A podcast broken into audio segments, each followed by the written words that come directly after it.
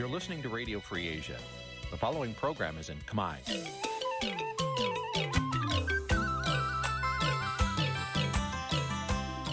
នេះជាកម្មវិធីផ្សាយ Vuthu Azizi Serai នេះជាកម្មវិធីផ្សាយរបស់ Vuthu Azizi Serai ជាភាសាខ្មែរ Vuthu Azizi Serai សូមស្វាគមន៍លោកអ្នកនាងទាំងអស់ពីរដ្ឋធានី Washington នៃសហរដ្ឋអាមេរិក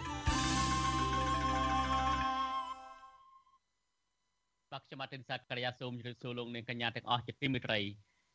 ញាតិខ្ញុំសូមជូនកម្មវិធីផ្សាយសម្រាប់យើងខ្ញុំសូមជូនកម្មវិធីផ្សាយសម្រាប់យប់ថ្ងៃសុក្រ11កើតខែទុតិយស័កឆ្នាំសោះបញ្ញឆ្នាំថោះបញ្ញស័កពុទ្ធសករាជ2567ត្រូវនៅថ្ងៃទី28ខែកក្កដាគ្រិស្តសករាជ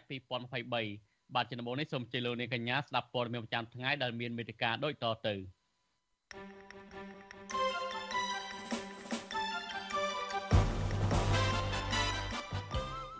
មេធាវីជំរុញឲ្យតុលាការដោះលែងលោកថៃសិដ្ឋាដើម្បីមកព្យាបាលជំងឺនៅខាងក្រៅពេទ្យពន្ធនាគារអនាគតនាយករដ្ឋមន្ត្រីថ្មីលោកហ៊ុនម៉ាណែតបញ្ញាការពារសន្តិភាពតាមបណ្ដាំឪពុកសមាជិកសហជីពសហកម្មករជាង5000នាក់ប្រឈមនឹងបាត់បង់ការងារបន្ទាប់ពីរោងចក្រចំនួន8បានព្យួរនិងបញ្ចប់កិច្ចសន្យាការងារ បាទវិទ្យាអ្នកស្ដាប់វិទ្យុអសិរ័យសម្រាប់យប់នេះនឹងពិភាក្សាថាតើគណៈបកភ្លើងទៀនមានផែនការដូចម្តេចដើម្បីអាចចូលរួមការបោះឆ្នោតបាននៅអាណត្តិក្រោយរួមនឹងព័ត៌មានសំខាន់សំខាន់មួយចំនួនទៀត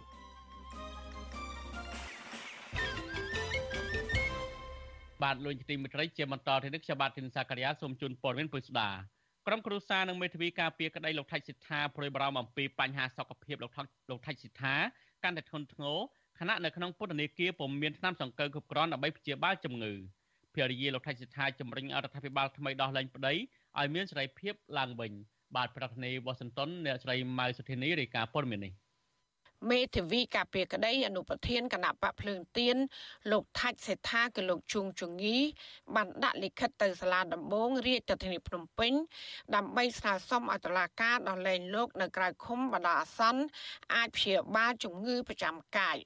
ការដាក់ពាក្យស្នើសុំនេះគឺនៅបន្ទាប់ពីស្ថានភាពជំងឺរបស់លោកកាន់តែធ្ងន់ធ្ងរជាងមុននិងមានហើមដៃជើងធំជាងមុន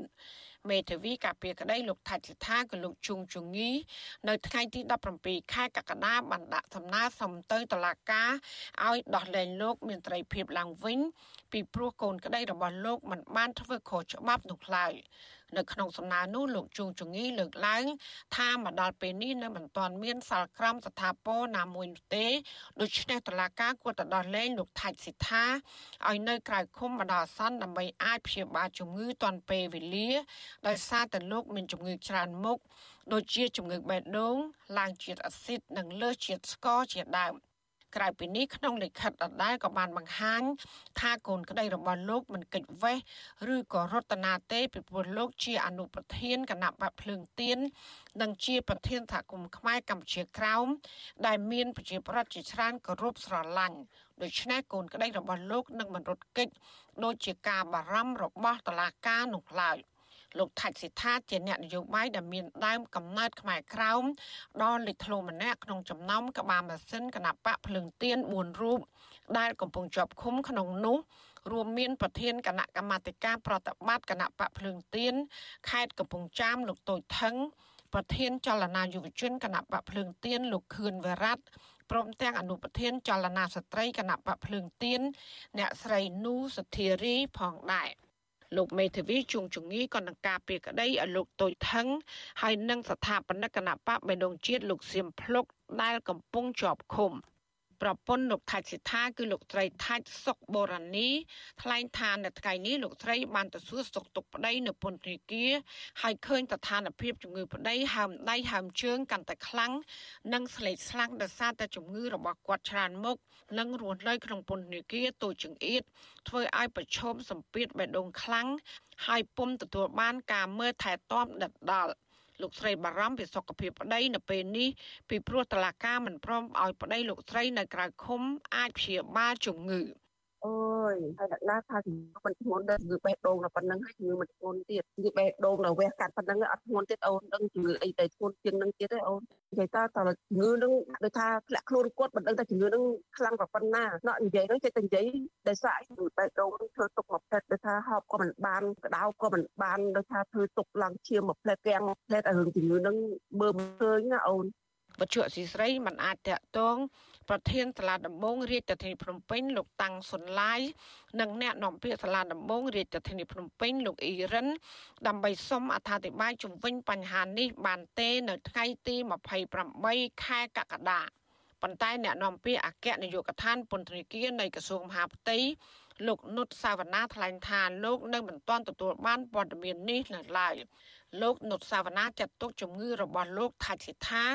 ថាមិនធ្ងន់ធ្ងររហូតដល់សុំនៅក្រៅឃុំនោះឡើយ បើសិនជាគាត់មានបញ្ហាសុខភាពគាត់អាចប្រាប់ទៅស្រីពេទ្យរបស់យើងឲ្យគាត់ជួយមើលពិនិត្យទៅតាមហ្នឹងទៅតែបើសិនជាមានការចាំបាច់អានឹងគេបញ្ជូនជាបាលនៅខាងក្រៅឥឡូវនេះដូចជាមិនមានបញ្ហាអីធ្ងន់ធ្ងរទេមើលទៅបានជាគេមិនដើរទៅប្រេញ្ញាដើម្បីຕົកយកទៅជាបាលនៅក្រៅអញ្ចឹងអានឹងវាតេទីតាមច្បាប់បើសិនជាមានបញ្ហាទៅគ្រូបន្ទាន់ទើបជាស្នើតាមក្រោយ តែកតិនបញ្ហានេះអ្នកនាំពាក្យសមាគមការពារសិទ្ធិមនុស្សអាត6លោកសង្សានករណាយល់ឃើញថាបើសិនជាតុលាការអនុវត្តច្បាប់ឲ្យមានតម្លាភាពនោះលោកថាច់សេដ្ឋាក៏មិនជាប់ពន្ធនាគារយ៉ាងអយុត្តិធម៌នេះដែរហើយការអនុវត្តច្បាប់នៅកម្ពុជាគ្មានស្តង់ដារបែបនេះហើយទើបមានការរិះគន់ពីសហគមន៍អន្តរជាតិលោកបន្តថាមន្ត្រីពន្ធនាគារនិងអាជ្ញាធរពាក់ព័ន្ធគួរតែចុះត្រួតពិនិត្យឲ្យបានច្បាស់លាស់ ពីព្រោះបញ្ហានេះអាចធ្វើសុខភាពលោកថាច់សិដ្ឋាកាន់តែប្រឈមនិងគ្រោះថ្នាក់ដល់អាយុជីវិតបើសិនជាមិនបានទទួលការព្យាបាលទាន់ពេលវេលា មានអ្វីដែលត្រូវទៅមានទំនាស់អីទាស់តែងជាមួយទៅនឹងខាងគណៈបកជំទាស់តទៅទៀតទេគួរតែមានការពិចារណាពិនិត្យមើលឡើងវិញមិនមែនតែករណីលោកថៃសិដ្ឋាទេគឺគួរតែពិនិត្យមើលសំណុំរឿងផ្សេងផ្សេងទៀតដូចជារឿងកញ្ញាសេងចន្ទធីរីរឿងពាក់ព័ន្ធទៅនឹងសកម្មជនប្រៃឈើលោកឆនផល្លានិងករណីផ្សេងផ្សេងទៀតដែលជាសកម្មជនសង្គមនយោបាយហ្នឹងក៏ត្រូវយកមកពិចារណាមកពិនិត្យដើម្បីដោះលែងដែរមិនមែនថាតតែធ្វើការសុំទោសធ្វើការចោះចូលអីហ្នឹងបានមានការដោះលែងទេគិតមកដល់ពេលនេះលោកថាច់សិដ្ឋាជាប់ឃុំនៅពន្ធនាគារព្រៃសរអស់រយៈពេលជាង6ខែក្រោយពីតុលាការបានចោទប្រកាន់ពីករណីមិនបំពេញកាតព្វកិច្ចចំពោះឧបករណ៍អាចជួញដូរបានឬក៏ចេញសាយអត់លុយបន្ទាប់មកតុលាការក៏បានចោទប្រកាន់លោកពីករណីទៀតគឺពីបទញុះញង់ឲ្យប្រព្រឹត្តបទអក្រិតជាអាត និងបទញុះញង់ឲ្យមានការរើសអើងទោះយ៉ាងណាមន្ត្រីគណៈបកភ្លើងទៀននិងមតិជាតិអន្តរជាតិ ចាត់ទុកថាការចាប់ខ្លួននិងឃុំខ្លួនលោកថាច់សេដ្ឋាគឺជារឿងនយោបាយនិងជារូបភាពគម្រាមកំហែងដើម្បីបំបាក់ស្មារតីប្រជាប្រដ្ឋខ្មែរមិនឲ្យចូលរួមសកម្មភាពនយោបាយជាមួយគណៈបកភ្លើងទៀនអ្នកខ្លំមើលយល់ឃើញថារដ្ឋាភិបាលលោកហ៊ុនសែនតែងតែប្រើប្រាស់តឡាការជាឧបករណ៍ដើម្បីចាប់អ្នករិះគន់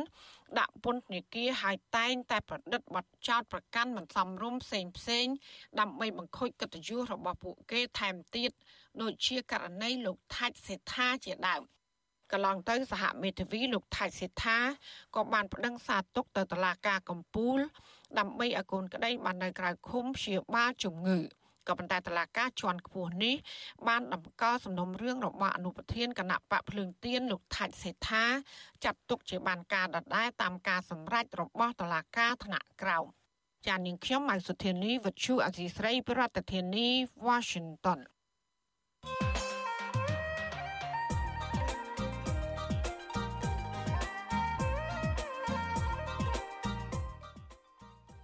បាទលោកទីមេត្រីគណៈបកប្រជាជនកម្ពុជារបស់លោកហ៊ុនសែនបានសម្រេចផែនការកាន់អំណាច5ឆ្នាំទៅមុខទៀតដោយការក្រុងទុកលោកហ៊ុនសែនអាចរក្សាអំណាចតពុជពងបានទាំងស្រុងនេះក៏ដោយសារតែកោះជបបានផាត់គណៈបកភ្លឹងទៀនចេញពីការប្រកបប្រជែងហើយរៀបចំការបោះឆ្នោតមួយដែលគេឯងគ្រប់គ្នាមើលឃើញថាជាការបោះឆ្នោតខ្លាំងខ្លាយកាលពីថ្ងៃទី23កក្កដាចុះគណៈបកភ្លឹងទៀនវិញដែលជាក្តីសង្ឃឹមរបស់អ្នកប្រជាធិបតេយ្យនោះតើត្រូវធ្វើដូចម្តេចទៀតដើម្បីអាចចូលរួមការបោះឆ្នោតបានវិញនៅអាណត្តិក្រោយ។ បាទសូមលោកនេះរងចាំទស្សនានីតិវិទ្យាអ្នកស្ដាប់អាស៊ីសេរីដែលនឹងជជែកអំពីបញ្ហានេះនាពេលបន្តិចទៀតនេះបាទបើសិនជាលោកនេះមានសំណួរឬក៏ចង់បញ្ចេញជាមតិយោបល់សូមដាក់លេខទូរស័ព្ទនៅក្នុងខ្ទង់ comment Facebook ខ្ទង់ comment Facebook និង YouTube ដែលយើងកំពុងតែផ្សាយផ្ទាល់នៅពេលនេះក្រុមការងាររបស់យើងនឹងហៅទៅលោកនាងវិញបាទសូមអរគុណ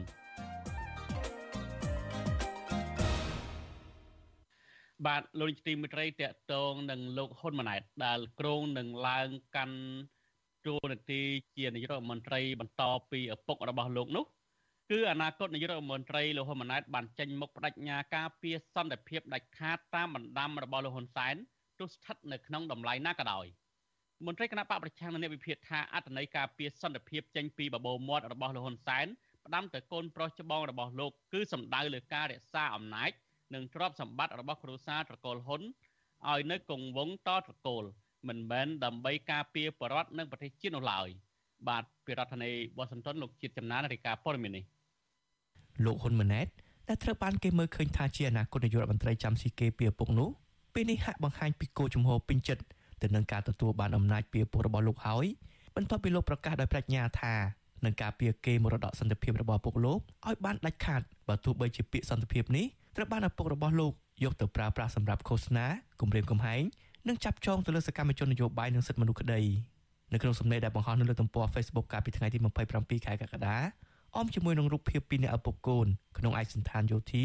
ឈរនៅលើរថយន្តមេបញ្ជាការដែលលោកហ៊ុនម៉ាណែតជិះតាមពីក្រោយឪពុកលោកដោយរៀបរាប់ថានៅពេលដែលលោកក្លាយជានាយករដ្ឋមន្ត្រីរបស់កម្ពុជាលោកត្រូវតែការពារឲ្យខានតែបាននៅសន្តិភាពដែលលោកអះអាងថាដើម្បីធានាដល់ការអភិវឌ្ឍនិងភាពសុខសាន្តរបស់ប្រជាជន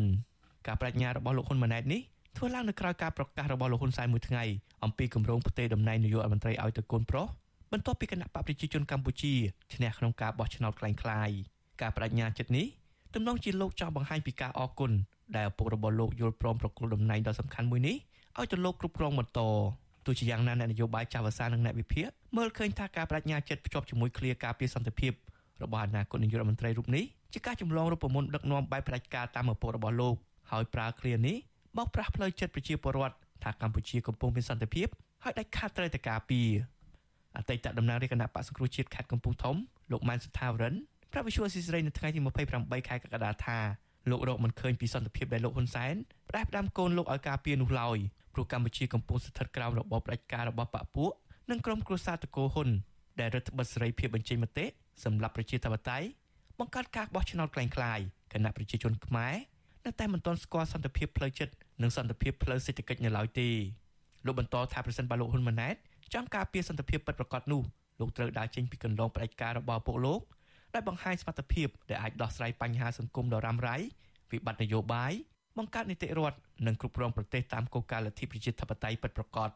បើខ្ញុំជាហ៊ុនម៉ាណែតវិញជាយុវជនចំនួនថ្មីយើងកុំសូតាមឪកុំសូតាមរបបរបស់គាត់ទៅតែគាត់ហ៊ានបញ្ចេញថាគាត់ផ្ដាល់លទ្ធិប្រជាធិបតេយ្យសេរីភូកាពិតប្រាកដឲ្យប្រជាពលរដ្ឋមានន័យថាគាត់ផ្ដាល់សិទ្ធិសេរីភាពក្នុងការចូលរួមក្នុងឆាកនយោបាយគាត់ផ្ដាល់ឲ្យប្រជាពលរដ្ឋមានសិទ្ធិសេរីភាពស្មើគ្នាហើយសេរីភាពក្នុងការទទួល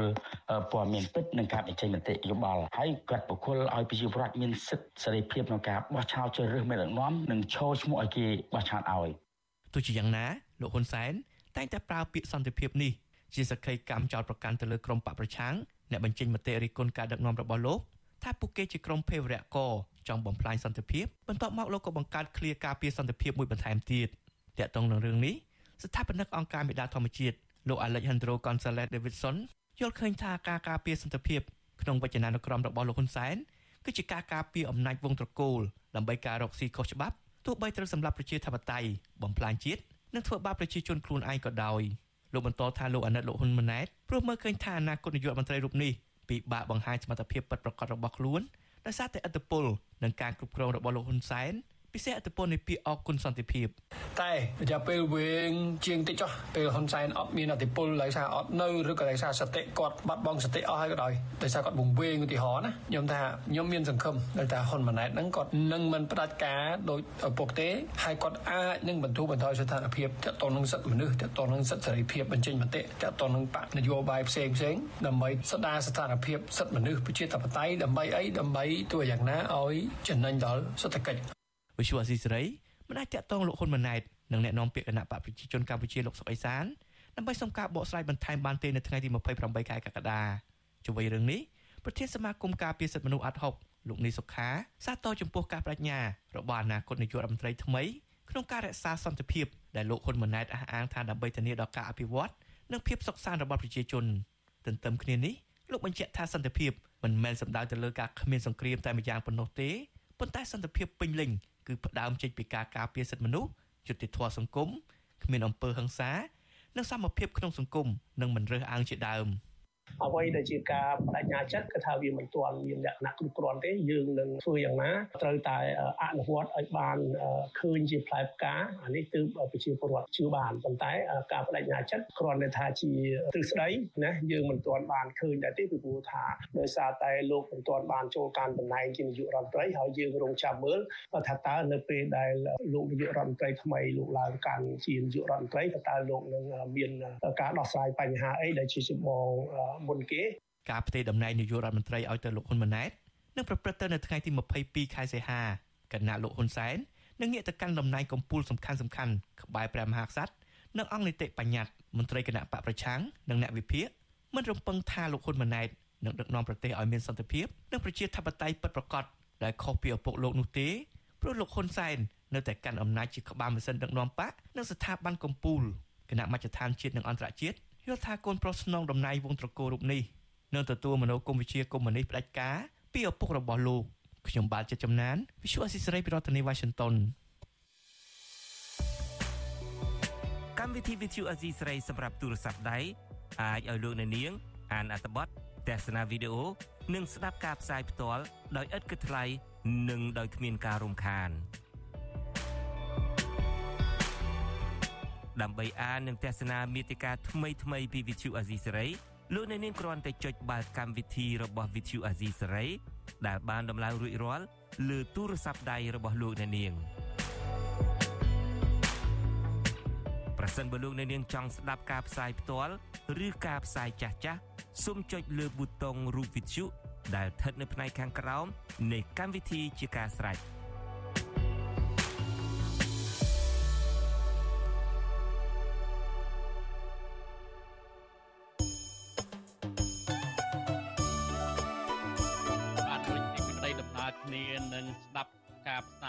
របស់វិទ្យុអសិរ័យតាមបណ្ដាញសង្គម Facebook YouTube និង Telegram លោកនាងក៏អាចស្ដាប់កម្មវិធីផ្សាយរបស់វិទ្យុអសិរ័យតាមរលកធាតុអាកាសខ្លីឬ Shortwave តាមកម្រិតនិងកម្ពស់ដូចតទៅនេះពេលព្រឹកចាប់ពីម៉ោង5កន្លះដល់ម៉ោង6កន្លះតាមរយៈប៉ុស SW 12.14 MHz ស្មើនឹងកម្ពស់ 25m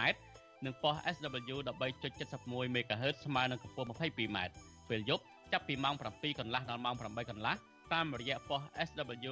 9.33 MHz ស្មើនឹងកម្ពស់ 32m ប៉ុស SW 11.88 MHz ស្មើនឹងកម្ពស់ 25m និងប៉ុស SW 12.15 MHz ស្មើនឹងកម្ពស់ 25m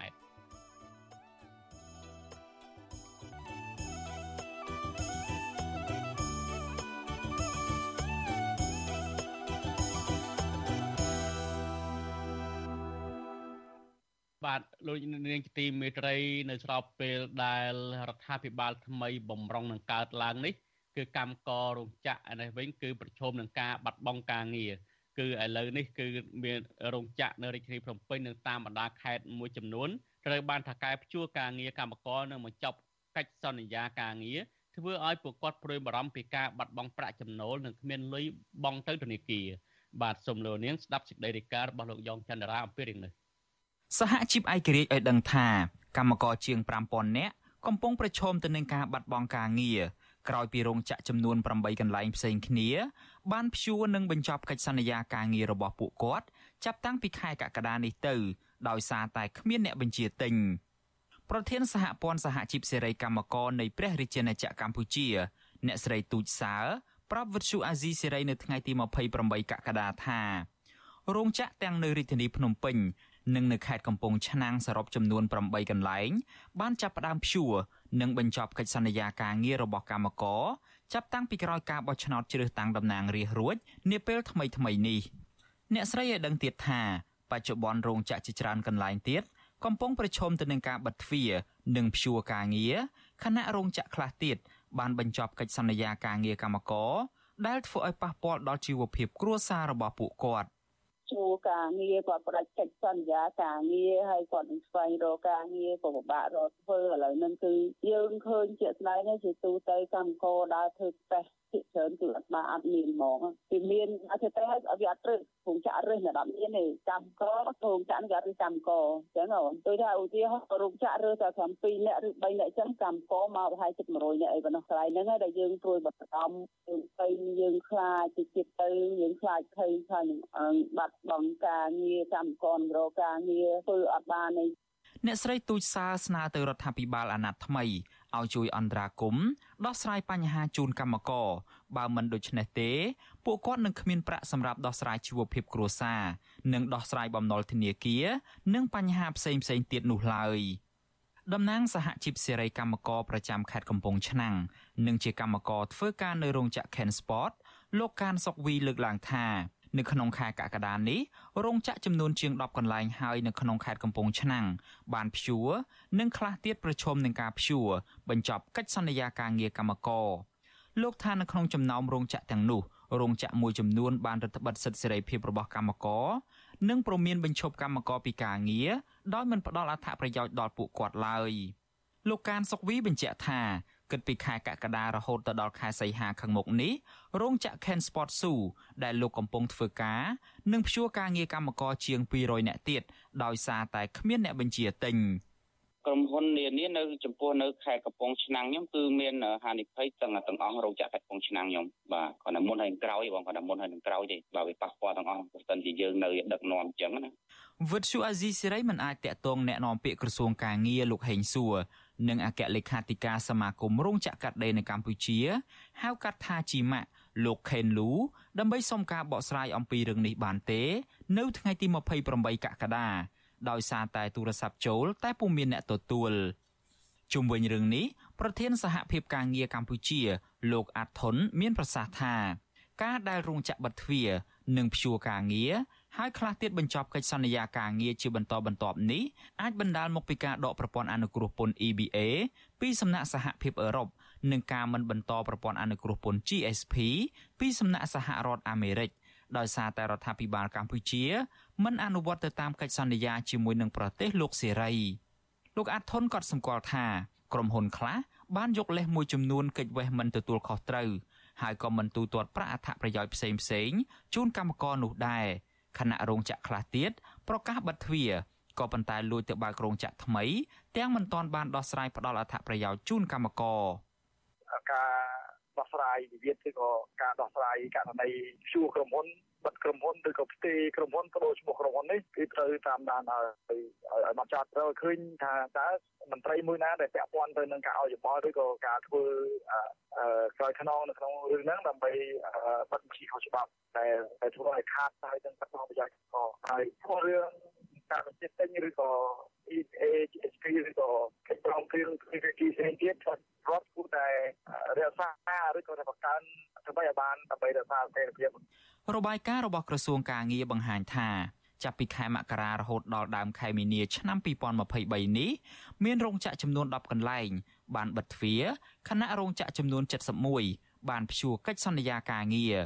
រីឯរោងចក្រចំនួន60ផ្សេងទៀតបានកាត់បន្ថយបុគ្គលិកបញ្ហានេះបានប៉ះពាល់ទៅដល់កម្មករជាង30000នាក់ខណៈកម្មករជាច្រើនអ្នកផ្សេងទៀតបានបាត់បង់ការងារទាំងស្រុងរោងចក្របិទទ្វារនិងព្យួរការងារជាបន្តបន្ទាប់នេះ កើតមានឡើងក្រោយពីសហភាពអឺរ៉ុបបានដកប្រព័ន្ធអនុគ្រោះពន្ធ EBA ចំនួន20%ពីកម្ពុជាហើយសហរដ្ឋអាមេរិកមិនបន្តប្រព័ន្ធអនុគ្រោះពន្ធ GSP ឲ្យកម្ពុជាវិញឡើយចាប់តាំងពីចុងឆ្នាំ2020រហូតដល់ពាក់កណ្ដាលឆ្នាំ2023នេះលើសពីនេះទៅទៀតសហភាពអឺរ៉ុបកាលពីថ្ងៃទី16ខែមីនា បានអនុម័តជាផ្លូវការនៅសេចក្តីសម្រេចថ្មីមួយដោយប្រមានដកហូតប្រព័ន្ធអនុគ្រោះពន្ធ EBA ពីកម្ពុជាបន្ថែមទៀតប្រសិនបើការបោះឆ្នោតនៅខែកក្កដានេះធ្វើឡើងមិនស្របទៅតាមស្តង់ដារអន្តរជាតិឬប្រសិនបើនៅតែមានករណីរំលោភសិទ្ធិមនុស្សធ្ងន់ធ្ងរជាបន្តទៅទៀតនោះខ្ញុំយ៉ងច័ន្ទដារាវិទ្យុអាស៊ីសេរី Washington បាទលោកទីមន្ត្រីលោកនាងប្រកាសជាចង់ដឹងហើយថាតើអនាគតគណៈបកភ្លឹងទៀននឹងទៅជាយ៉ាងណានៅក្រៅពេលដែលរបបលហ៊ុនសែនបានធ្វើទុកបុកម្នេញមិនឲ្យចូលរួមការបោះឆ្នោតកាលពីថ្ងៃទី23កក្កដាកន្លងទៅថ្មីថ្មីនេះហើយថាតើគណៈបកភ្លឹងទៀននឹងមានផែនការអ្វីបន្តទៀតដើម្បីអាចចូលរួមការបោះឆ្នោតទៀតនៅពេលខាងមុខនេះបាន បាទសូមលោកនាងរងចាំទស្សនានីតិវិទ្យាអ្នកស្ដាប់វិទ្យុអសិរ័យដែលនឹងជជែកអំពីបញ្ហានេះនាពេលបន្តិចទៅនេះ បាទលោកនាងជាទីមេត្រីតកតងនឹងរឿងជួញដូរមនុស្សជាទុនធាយធំវិញឥឡូវនេះក្រសួងមហាផ្ទៃនៅមិនទាន់ទទួលបានលិខិតផ្លូវការណាមួយពីសមាជិកឥណ្ឌូនេស៊ីដើម្បីធ្វើកិច្ចសហប្រតិដើម្បីធ្វើកិច្ចសហប្រតិបត្តិការរួមគ្នាចំពោះករណីសមាជិកឥណ្ឌូនេស៊ីរកឃើញការជួញដូរអវយវៈមនុស្សចំនួន122នាក់នៅកម្ពុជាចំណែកឯមន្ត្រីសង្គមស៊ីវិលថាអាញាធរកម្ពុជាគួរតែបើកការស្រាវជ្រាវនិងយកចិត្តទុកដាក់ចំពោះករណីជួញដូរមនុស្សនេះឲ្យបានកាន់តែឆាប់ បាទនៅឯស្ថានភាពទឹកចំនួននៅឯខេត្តមណ្ឌលគិរីឯនោះវិញទឹកទន្លេសេសាននិងទន្លេឆ្លៃពកបានហក់ឡើងយ៉ាងលឿនចាប់ពីថ្ងៃទី26កក្កដាបណ្ដាលឲ្យជនលិចនៅតំបន់ទំនាបមួយចំនួននៅស្រុកចំនួន6ខេត្តរតនគិរីសំទោសខេត្តខេត្តរតនគិរីបណ្ដាលឲ្យខូចខាត ស្រូវកសិកម្មរបស់ពលរដ្ឋដល់ជិតប្រមូលផលអស់ច្រើនហិកតា មន្ត្រីសង្គមស៊ីវិលអះអាងថាក្រុមហ៊ុនតរ៉ៃនេះដោយសារតែភៀកគីវៀតណាមបើកបង្ហូរទឹកចំនួនវរីអគិសនីចំនួន2ផ្នែកខាងលើទន្លេសេសាននិងទន្លេស្រែពកបាទសំឡូនាងរងចាំស្ដាប់សេចក្តីរាយការណ៍នេះនៅកម្មវិធីរបស់យើងនៅព្រឹកស្អែកបាទលោកនេះទីមេត្រីលោកនេះទើបបានស្ដាប់ព័ត៌មានប្រចាំថ្ងៃដែលរៀបចំជូនដល់ខ្ញុំអាទិនសាករិយាពីរដ្ឋធានីវ៉ាស៊ីនតោនសំឡូនេះរងចាំទស្សនានីតិវិទ្យាអ្នកស្ដាប់អាស៊ីសេរីនៅពេលបន្តិចទៀតនេះ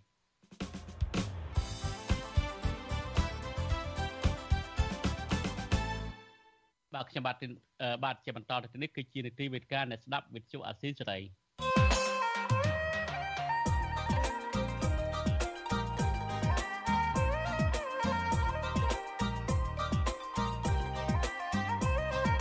វេទិកាអ្នកស្ដាប់វិទ្យុអាស៊ីសេរី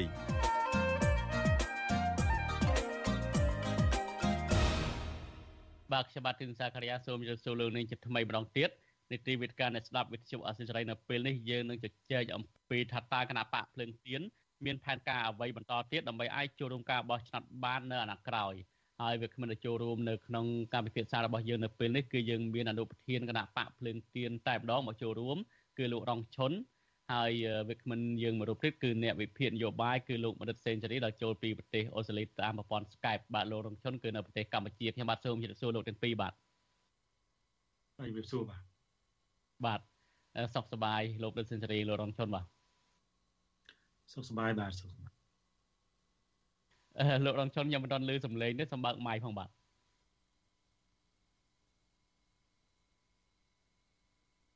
បាទបាទលោកនាយមេត្រីយើងដឹងហើយថាការបោះឆ្នោតអឺមុននឹងជជែកអំពីថាតើអនាគតគណៈបកភ្លើងទីនឹងធ្វើយ៉ាងណាទៀតនោះ ខ្ញុំចង់ងាកមកចាប់អារម្មណ៍ពីរឿងដែលកំពុងតែកើតឡើងប្រហែលថ្ងៃនេះដែលលោកនាងកំពុងតែចាប់អារម្មណ៍នោះគឺថាតួអង្គថ្មី គឺនាយករដ្ឋមន្ត្រីថ្មីក៏ប៉ុន្តែ គឺបដូរតែមនុស្សទេ គឺនៅក្នុងត្រកូលចេញពីគ្រូសាត្រកូលហ៊ុនដដែលហើយបើយើងមើលទៅករណីនេះមិនមែនលោកហ៊ុនសែនប្រទេសអំណាចនោះទេគឺគ្រាន់តែផ្ទេរទូរនទីតែប៉ុណ្ណោះហើយឃើញថាលោកហ៊ុនសែននៅតែមានអំណាចពេញដៃអ្វីដែលជាកត្តាសំខាន់មួយទៀតនោះគឺលោកបានទៅគ្រប់គ្រងស្ថាប័នព្រះមហាក្សត្រថែមទៀតផង ទូរនទីប្រតិភិលោកនឹងคล้ายទៅជាប្រមុខរដ្ឋនៅពេលដែលអវត្តមានព្រះមហាក្សត្រជំវិញនឹងរឿងនេះខ្ញុំសូម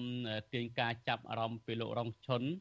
បន្តិចសិនតើតនការបោះឆ្នោតកន្លងមកហើយឥឡូវនេះគឺលោកហ៊ុនសែនហាក់បីដូចជាចំពោះទៅមុខហើយអំពីការអំពីផែនការរក្សាអំណាចតពូជនេះលោករងឈុនលើទេបាទបាទខ្ញុំនៅមិនទាន់លើពីលោករងឈុនទេចង់ទាញការចាប់អារម្មណ៍របស់ លោកនៅសេនស៊ូរីបន្តិចសិនយើងមើលឃើញថានៅក្នុងអាណត្តិដឹកនាំរបស់លោកហ៊ុនសែនកន្លងមកនេះឃើញថាគណៈរដ្ឋមន្ត្រីនឹងគឺថាកបាលធំខ្លួនតូចអ្វីដែលជាការសំខាន់គឺថានៅតាមក្រសួងស្ថាប័ននីមួយៗនឹងគឺថាមានរដ្ឋលេខាធិការអនុរដ្ឋលេខាធិការនឹងគឺច្រើនមែនតើហើយលោកហ៊ុនសែននឹងងាយនឹងផ្ដល់ទូនទីឲ្យសម្រាប់អ្នកចោះចូលអីចឹងជាដើមទៅគឺដាក់ចេញមកភ្លាមភ្លាមតែម្ដង សម្រាប់ការដែលលោកមើលឃើញនាយករដ្ឋមន្ត្រីថ្មីសម្រាប់លោកហ៊ុនម៉ាណែតនេះលោកដូចសេនស៊ូរីមើលឃើញថាតើលោកហ៊ុនម៉ាណែតនឹងកែតម្រង់បែបណាឬក៏នៅរក្សាជាតម្រង់ដដែលទេបាទសូមចេញខ្លីបន្តិចបាទបាទសម្រាប់ខ្ញុំយើងចាំសង្កេតមើលថាតើ100ថ្ងៃដំបូងនៃការកាន់កាប់តួនាទីជានាយករដ្ឋមន្ត្រីថ្មីអាណត្តិទី7នេះតើតើលោកហ៊ុនម៉ាណែតនឹងមានអីថ្មីនៅ ក្នុងនាមជានាយករដ្ឋមន្ត្រីថ្មីដើម្បីបង្ហាញទៅពលរដ្ឋម្ចាស់ឆ្នោតថាខ្លួនមានឆន្ទៈគ្រប់គ្រាន់នៅក្នុងការធ្វើកំណែតម្រង់ខ្ញុំសង្កេតឃើញអ្វីដែលពលរដ្ឋមានការរិះគន់អឺកន្លងមកនេះគឺជាពិសេសនឹងតកតងទៅនឹងរដ្ឋាភិបាលក្បាលធំខ្លួនតូចមានន័យថាមន្ត្រីរដ្ឋាភិបាលគណៈរដ្ឋមន្ត្រីហ្នឹងធំមែនទែនអឺ បើយើងមើលចំនួនរដ្ឋលេខាធិការនិងអនុរដ្ឋលេខាធិការហ្នឹងគឺក្រសួងនីមួយៗហ្នឹងមិនតិចជាង20នាក់ទេចំនួនរដ្ឋលេខាធិការហើយចំនួនអនុរដ្ឋលេខាធិការហ្នឹងកាន់តែច្រើនទៅទៀតអានេះយើងមិនរាប់ចំនួនទីប្រឹក្សាឋានៈស្មើរដ្ឋលេខាធិការឬក៏ប្រតិភូរដ្ឋាភិបាលឋានៈស្មើរដ្ឋមន្ត្រីទេអញ្ចឹងហើយបើយើងមើលយើងគុណតួលេខគុណងាយងាយថា ចំនួនហ្នឹងប្រហែលជា1000នាក់ហើយបើយើងមើលថាម្នាក់គាត់ទទួលបានប្រាក់បៀវត្សប្រហែលជា500ទៅ1000ដុល្លារយើងគិតថាក្នុងមួយខែមួយខែរដ្ឋាភិបាលនឹងចំណាយលុយច្រើនណាស់នៅក្នុងការចំណាយទៅលើទៅលើនុរដ្ឋលេខាធិការនុរដ្ឋលេខាធិការនោះ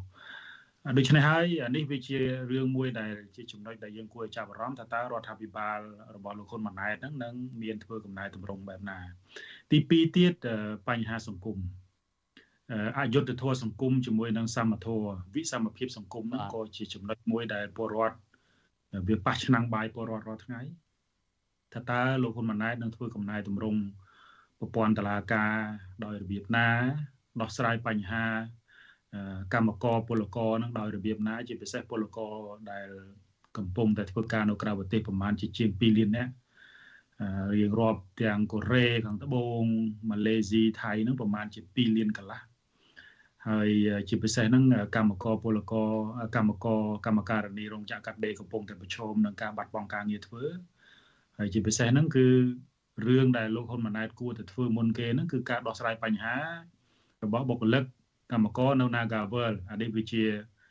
វាជារឿងតូចទេបើយើងធៀបទៅក្នុងបញ្ហាសង្គមក៏ប៉ុន្តែបាទវាជាចំណុចចាប់ផ្ដើមមួយដែលបង្ហាញអំពីសមត្ថភាពនិងទេពកោសល្យនៅក្នុងការនៅក្នុងការដោះស្រាយបញ្ហា ក្នុងនាមជានាយករដ្ឋមន្ត្រី នៅមានរឿងច្រើនទៀតតកតងទៅនឹងរឿងការប្រើប្រាស់ធនធានធម្មជាតិការបំផ្លាញធនធានធម្មជាតិព្រៃឈើ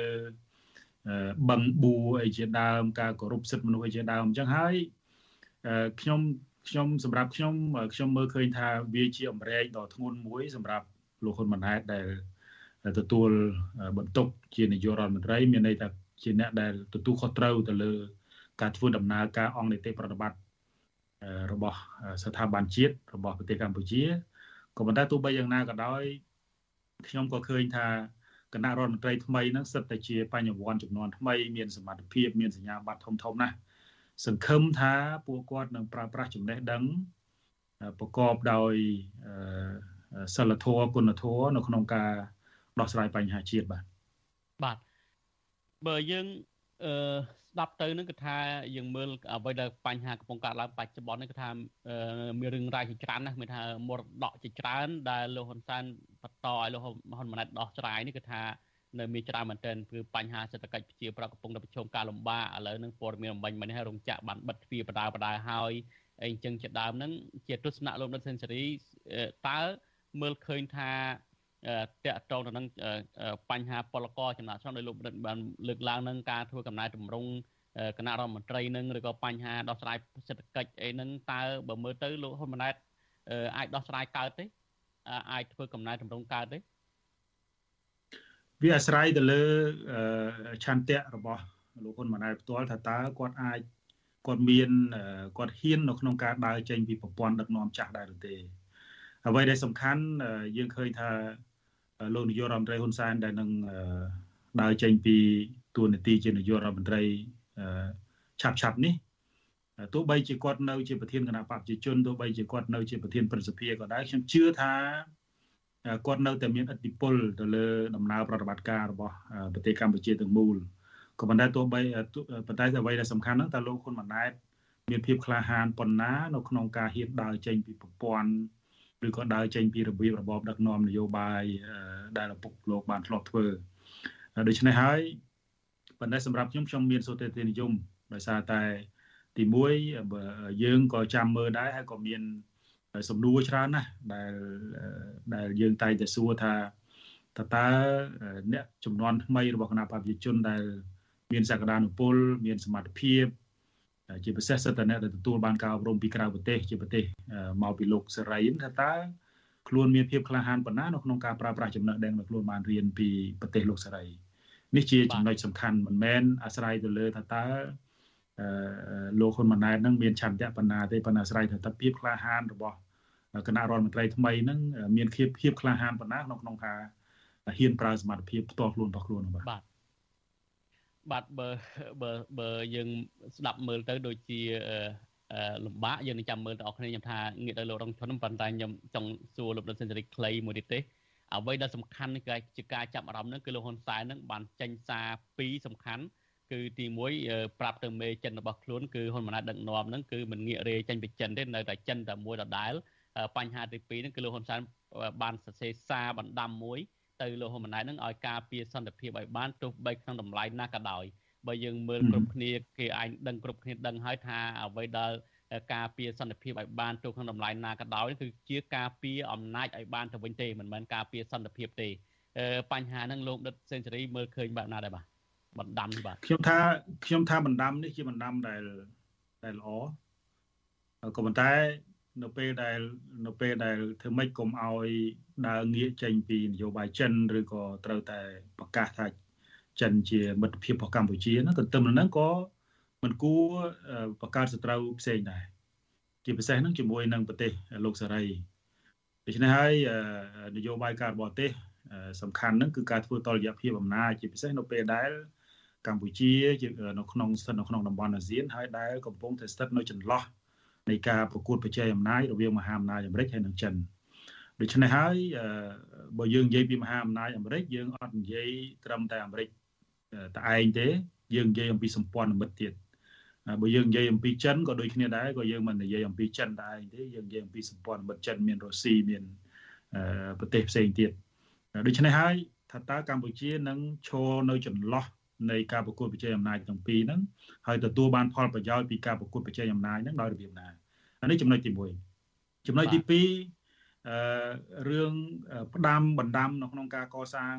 នៅក្នុងការការពារសន្តិភាពនេះក៏ជារឿងត្រឹមត្រូវដែរកម្ពុជាត្រូវការសន្តិភាពក៏ប៉ុន្តែទោះបីយ៉ាងណាក៏ដោយខ្ញុំចង់ឲ្យខ្ញុំចង់ឃើញរដ្ឋាភិបាលថ្មីដែលដឹកនាំដោយលោកហ៊ុនម៉ាណែតនេះ ត្រូវតែធ្វើ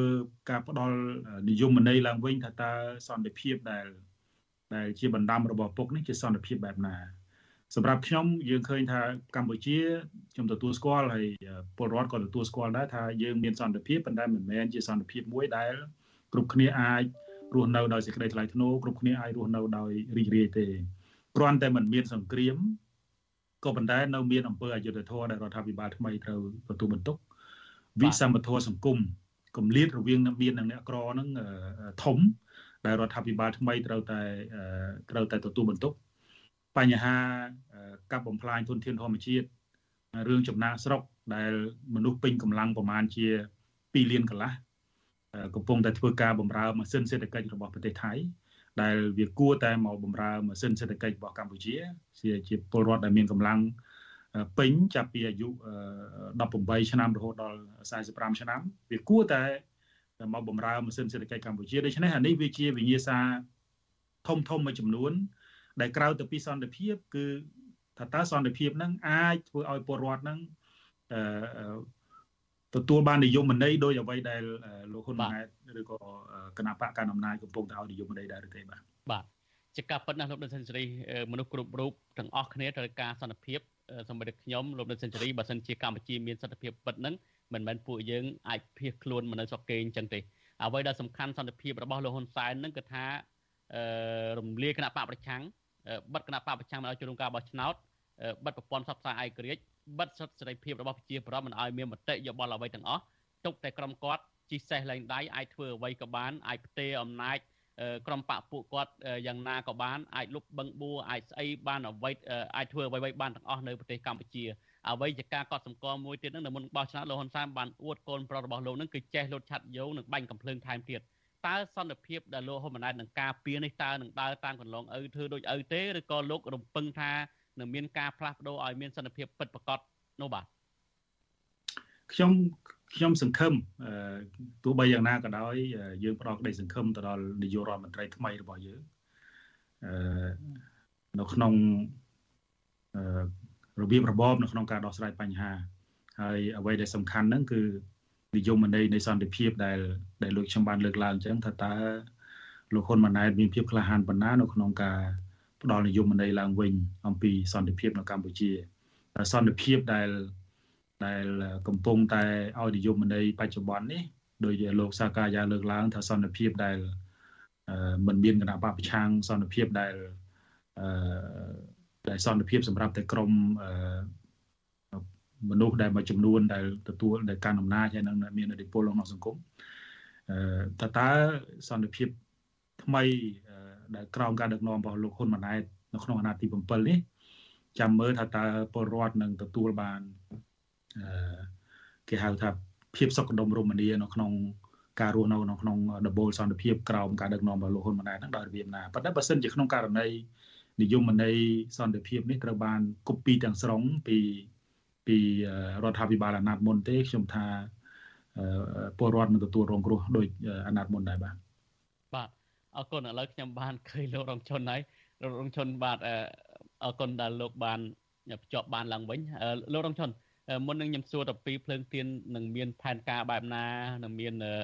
យុទ្ធសាស្ត្របែបណាទៀតដើម្បីអាចចូលក្នុងការបោះឆ្នោតបានហ្នឹងសូមប្រតិកម្មពីលោកបន្តិចដោយសារលោកជាអតីតមន្ត្រីកោជបផងហើយជាថ្នាក់នាំគណៈបកភ្លើងទៀនខ្លួនឯងផងហើយមិនអាចចូលក្នុងការបោះឆ្នោតបានតើការបោះឆ្នោតកន្លងមកនេះលោកមានប្រតិកម្មបែបណាបាទខ្ញុំនៅតែមិនលឺលោករងឈុនដដែល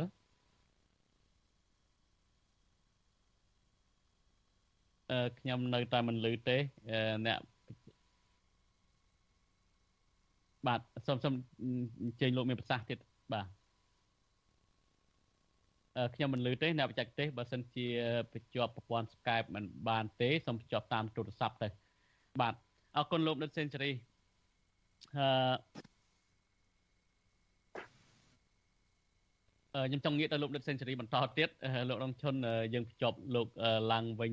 ជាថ្មី បាទលោកនាងជាទីមេត្រីនៅពេលបន្តិចទៀតនេះយើងនឹងជជែកអំពីថាតើ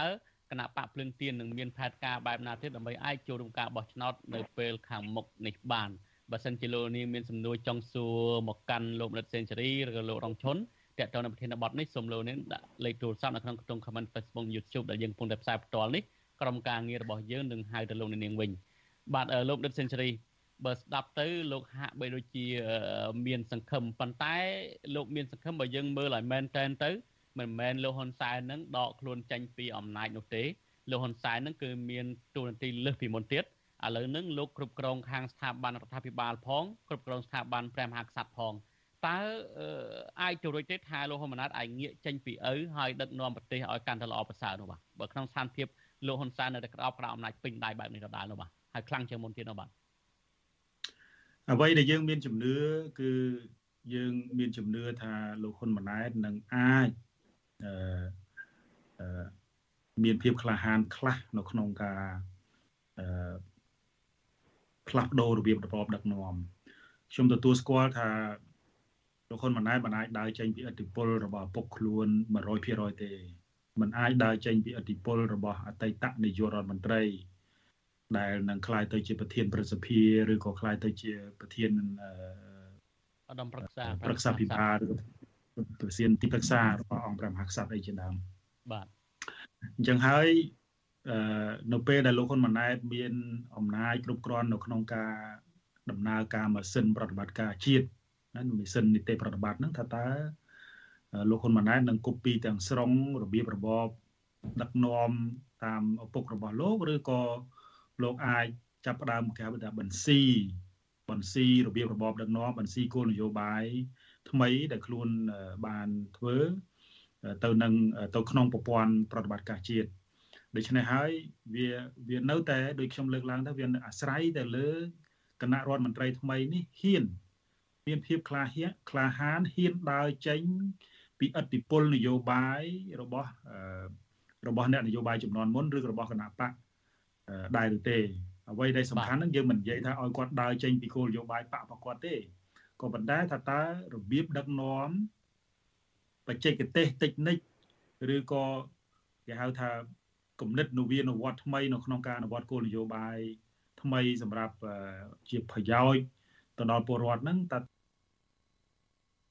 ពួកគាត់ហ៊ានប៉ុណ្ណាអានេះជាចំណុចសំខាន់ឥឡូវនេះយើងមិនយើងមិនចាប់អារម្មណ៍ឬក៏យើងមិន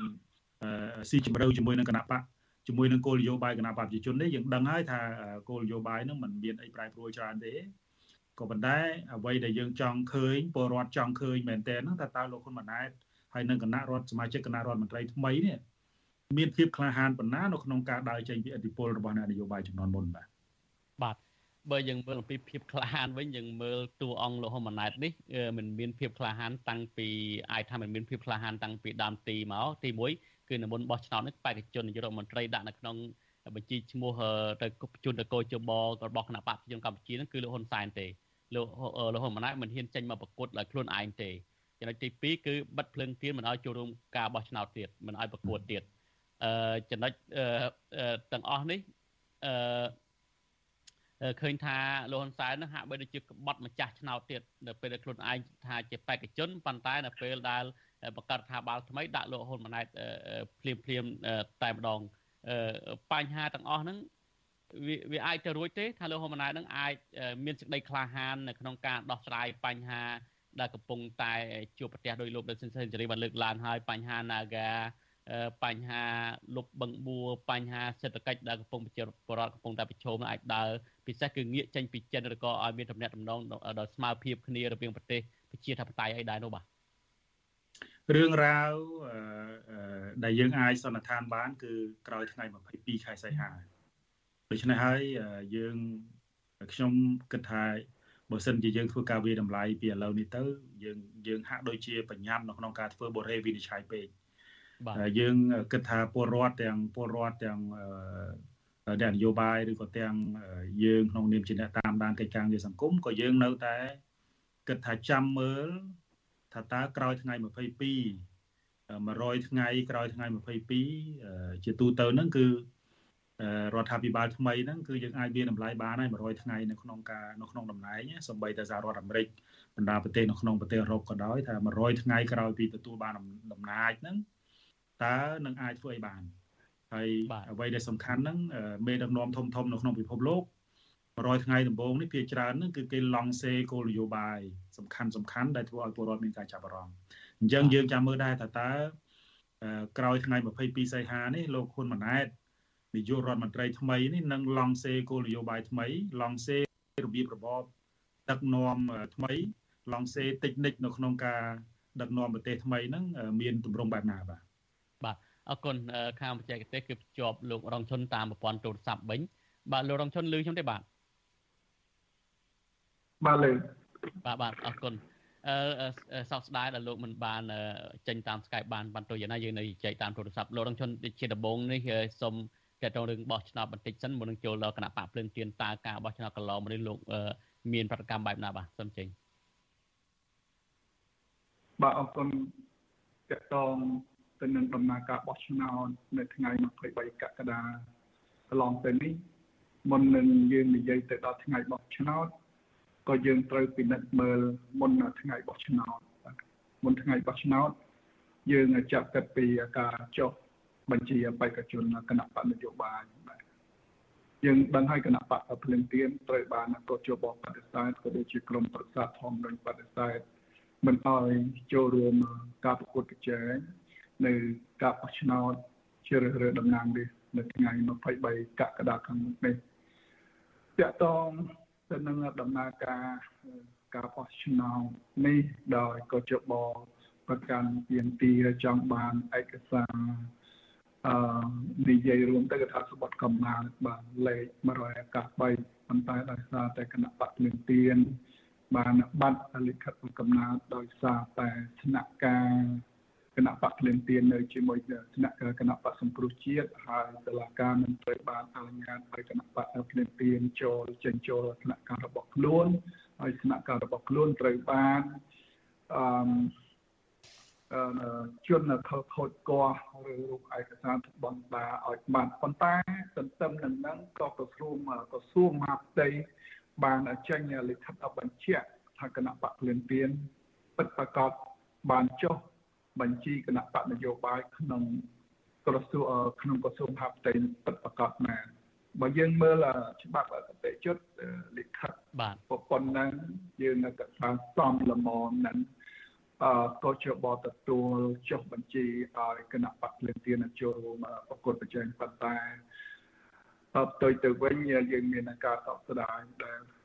ក៏ជាបមិនបានទទួលការចុះពីពីពាក់តង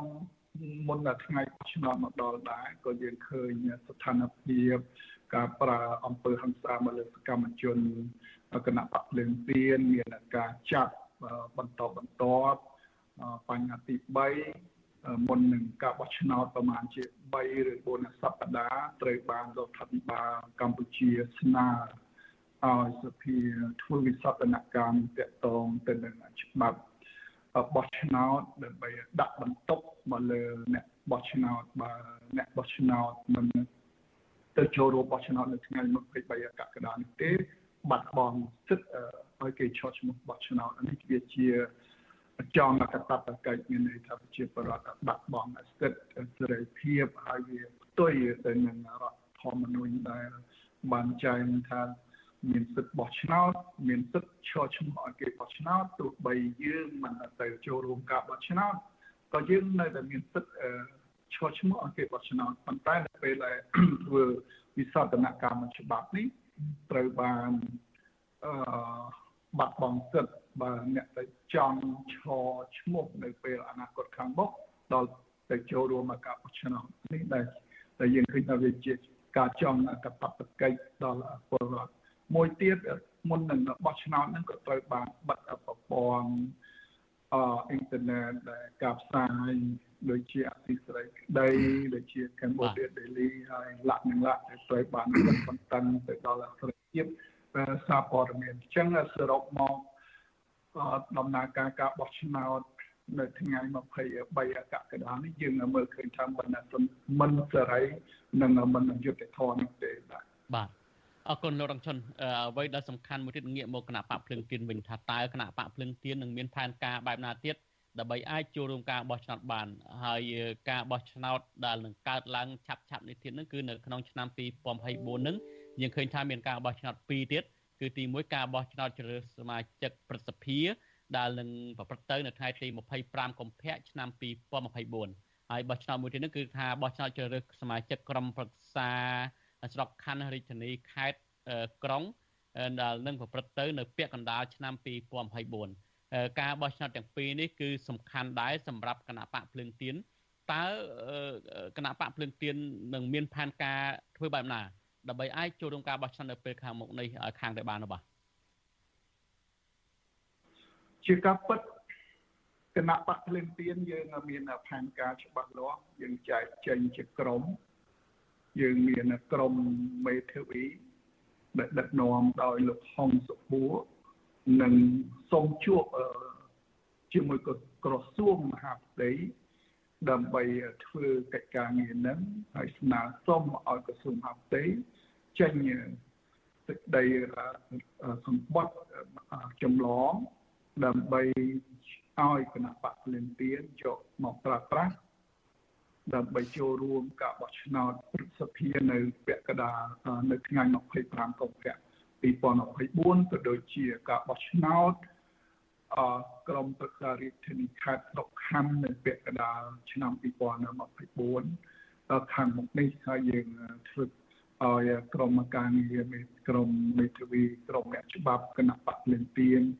និងសូមជួបជាមួយ ក្រសួងហាផ្ទៃដោយដឹកនាំដោយលោកហុងសុភួរដើម្បីធ្វើម៉េចរកច្រកចេញដើម្បីឲ្យគណៈបកភ្លឹងទៀនចូលរួមការបោះឆ្នោតនៅពេលអនាគតខាងមុខដល់ខ្លីនេះពេលពីគណៈបកភ្លឹងទៀនក៏មានផែនការមួយក្រុមទៀតដែលចុះទៅតាម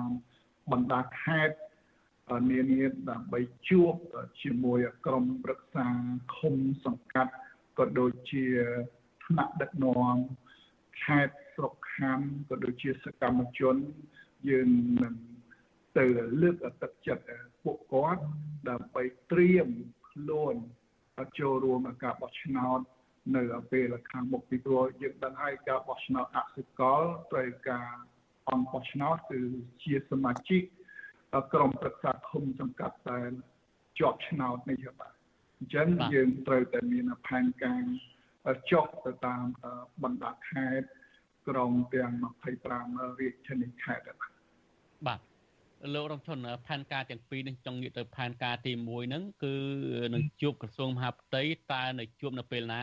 ដើម្បីឲ្យក្រសួងមហាផ្ទៃចេញលិខិតចម្លងនៃការចុះបញ្ជីគណៈបកនឹងឲ្យហើយបើយើងមើលនៅមុនបោះឆ្នោតហ្នឹងក៏គណៈបកភ្លឹងទៀនគឺបានស្វាស្វែងមែនតែនខ្នះខ្នែង ដើម្បីធ្វើម៉េចឲ្យបានលិខិតបញ្ជាក់ពីក្រសួងមហាផ្ទៃក្រសួងមហាផ្ទៃក៏បានចេញលិខិតបញ្ជាក់ថាគណៈបកភ្លើងទៀនបានចុះបញ្ជីធំត្រូវនិងមានជាគណៈបកដែលស្របច្បាប់ក៏ប៉ុន្តែផ្ទុយទៅវិញគោចបនៅតែមិនទទួលស្គាល់មិនអនុញ្ញាតចូលរួមការបោះឆ្នោតដដែលហើយតើលើកនេះវិញតើលោកបើសិនក្នុងករណីដែលក្រសួងមហាផ្ទៃមិនព្រមធ្វើឲ្យឬក៏ធ្វើឲ្យដាក់ទៅក្រសួងដាក់ទៅកោចបហើយកោចបមិនទទួលស្គាល់ទៀតតើគណៈបកភ្លើងទៀនធ្វើអ្វីបន្តទៀតបើករណីនេះបាទ ឥឡូវនេះជំហានទី1យើងជួបទៅចែកជាមួយក្រសួងអភិបាលតើអាចមានដំណោះស្រាយបែបណា ដើម្បីឲ្យគណៈបកភ្លឹងទៀនចូលរួមការប្រកួតប្រជែងក្នុងការបោះឆ្នោតព្រឹទ្ធសភានៅថ្ងៃ25កុម្ភៈ2024នៅខាងមុខនេះហើយបើការជជែកគ្នាមើលថាมันអាចចេញរួចឬអាចបានលិខិតហើយ ក៏ចបនៅតែបដិសេធពេលហ្នឹងគណៈបកភ្លឹងទៀនយើងនឹងមានផែនការទី2បន្តទៀតប៉ុន្តែពេលនោះយើងនឹងទៅចែកគណៈកម្មការអចិន្ត្រៃយ៍ថាតើយើងត្រូវអនុវត្តផែនការទី2នឹងរបៀបម៉េចយើងត្រូវមានការឯកភាពថ្នាក់ដឹកនាំជាពិសេសគឺគណៈកម្មការអចិន្ត្រៃយ៍ក្បាលម៉ាស៊ីននិងគណៈបកភ្លើងទៀនតែម្ដងបាទបាទ ផែនការទី2អាចជម្រាបជូនបានទេថាតើនឹងធ្វើបែបណាទៅបាទឥឡូវនេះយើងសូមសូមសូមអធិស្ឋានយើងមិនអាចជំរាបជូនផែនការចិត្តសាស្ត្រដោយតែយើងមិនទាន់បានអនុវត្តឲ្យយើងជំរាបជូនមុនអញ្ចឹងនឹងសូមអធិស្ឋានយើងនៅពេលដែលយើងធ្វើនឹងសាធារណជនក៏ដូចជាសារព័ត៌មានជ្រាបពីបញ្ហាទាំងអស់នេះបាទបាទ លោករងឈុនផែនការទី1ហ្នឹងលោកបើខ្ញុំស្ដាប់មិនច្រឡំទេលោកមិនតបបញ្ជាក់ថាតើបានជួបក្រសួងមហាផ្ទៃហើយឬនៅឬក៏នឹងជួបនឹងជួបនៅពេលណាទៅបាទឥឡូវនេះគណៈបកភ្លៀងទៀនកំពុងតែធ្វើសេចក្តីព្រាងលិខិតដាក់ទៅក្រសួងមហាផ្ទៃក្នុងគោលបំណងសូមជួបទៅចែកគ្នាតាក់ទងរឿងឯកសារពាក់ព័ន្ធនឹងដំណើរការបោះឆ្នោតនៅថ្ងៃខាងមុខនេះ មិនទាន់បានចេញជាផ្លូវការនៅឡើយទេយើងកំពុងតែធ្វើសេចក្តីព្រាងដាក់ទៅក្រសួងហាផ្ទៃបាទបាទបាទអរគុណច្រើនបាទលោកនាយទីមេត្រីនៅពេលបន្តិចទៀតនេះលោកនាងនឹងមិនលើការផ្សាយរបស់យើងទៀតទេដែលលោកនាងកំពុងតែស្ដាប់តាមវិទ្យុនោះសម្រាប់លោកនាងកំពុងទស្សនាតាម YouTube Facebook និង Telegram សូមជ័យបន្តជាមួយយើងខ្ញុំបន្តិចទៀតបាទបាទ ខ្ញុំចង់ងាកទៅលោកដិតសេនស៊ូរីវិញលោកដិតសេនស៊ូរីសម្រាប់បរិបទនយោបាយនៅពេលនេះឃើញថាលោកហ៊ុនសែនហាក់បីដូចជាបោះជំហានទៅមុខដោយរលូនហាក់បីដូចជាមិនមានឧបសគ្គអ្វីទេរហូតដល់នឹងប្រទេសទួនទីនាយកនាយករដ្ឋមន្ត្រីឲ្យកូនទៀតប៉ុន្តែសម្រាប់គណៈបកភ្លើងទៀនវិញដូចលោករងជនបានជម្រាបហើយគឺមានផែនការទី1ទី2ហើយផែនការហៅមាន plan B អីចឹងទៀតជាដើមអឺ ជាសេណារីយ៉ូដើម្បីអាចឲ្យគណៈបកភ្លើងទៀនអាចចូលរួមការបោះឆ្នោតបានហ្នឹងលោកនៅសេនស៊ូរីមានសេណារីយ៉ូអ្វីដែរទៅបាទសម្រាប់ជាអ្នកវិភាគមើលពីខាងក្រៅវិញនោះបាទខ្ញុំខ្ញុំមើលឃើញសេណារីយ៉ូ3ដែលដែលភ្លើងទៀនអាចបន្តដំណើរទៅមុខបានយើងរាប់ថាជាចលនានយោបាយរបស់សំរងស៊ីនិយមអាចដំណើរទៅមុខបានអឺប៉ុន្តែមុននឹងខ្ញុំផ្ដល់សេណារីយ៉ូនេះខ្ញុំចង់ បង្ហាញអំពីផ្លូវប្រជាធិបតេយ្យដែលមានចែងនៅក្នុងរដ្ឋធម្មនុញ្ញដើម្បីឲ្យបងប្អូនពលរដ្ឋបានយល់ថាការផ្លាស់ប្ដូរមេដឹកនាំនៅកម្ពុជានឹងយើងមានមធ្យោបាយពីរធំទី1អឺគឺការផ្លាស់ប្ដូរតាមរយៈការបោះឆ្នោតអញ្ចឹងហើយអ្នកនយោបាយត្រូវតែបង្កើតគណៈបកនយោបាយដើម្បីចូលរួមប្រកួតប្រជែងនៅលើសាយវានបោះឆ្នោតបាទទី2គឺការធ្វើមហាបាតកម្ម ឬក៏តាមរយៈចលនាមហាជន នៅពេលនៅក្នុងក្នុងករណីដែលរដ្ឋពលរដ្ឋហ្នឹងមិនមិនពេញចិត្តជាមួយនឹងរដ្ឋាភិបាលក៏ប៉ុន្តែមកដល់ពេលនេះយើងឃើញថា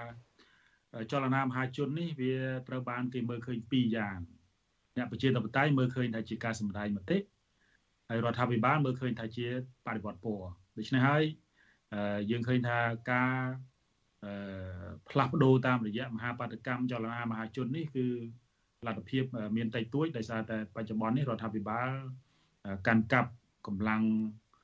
កងកម្លាំងប្រដាប់អាវុធនឹងពេញដៃ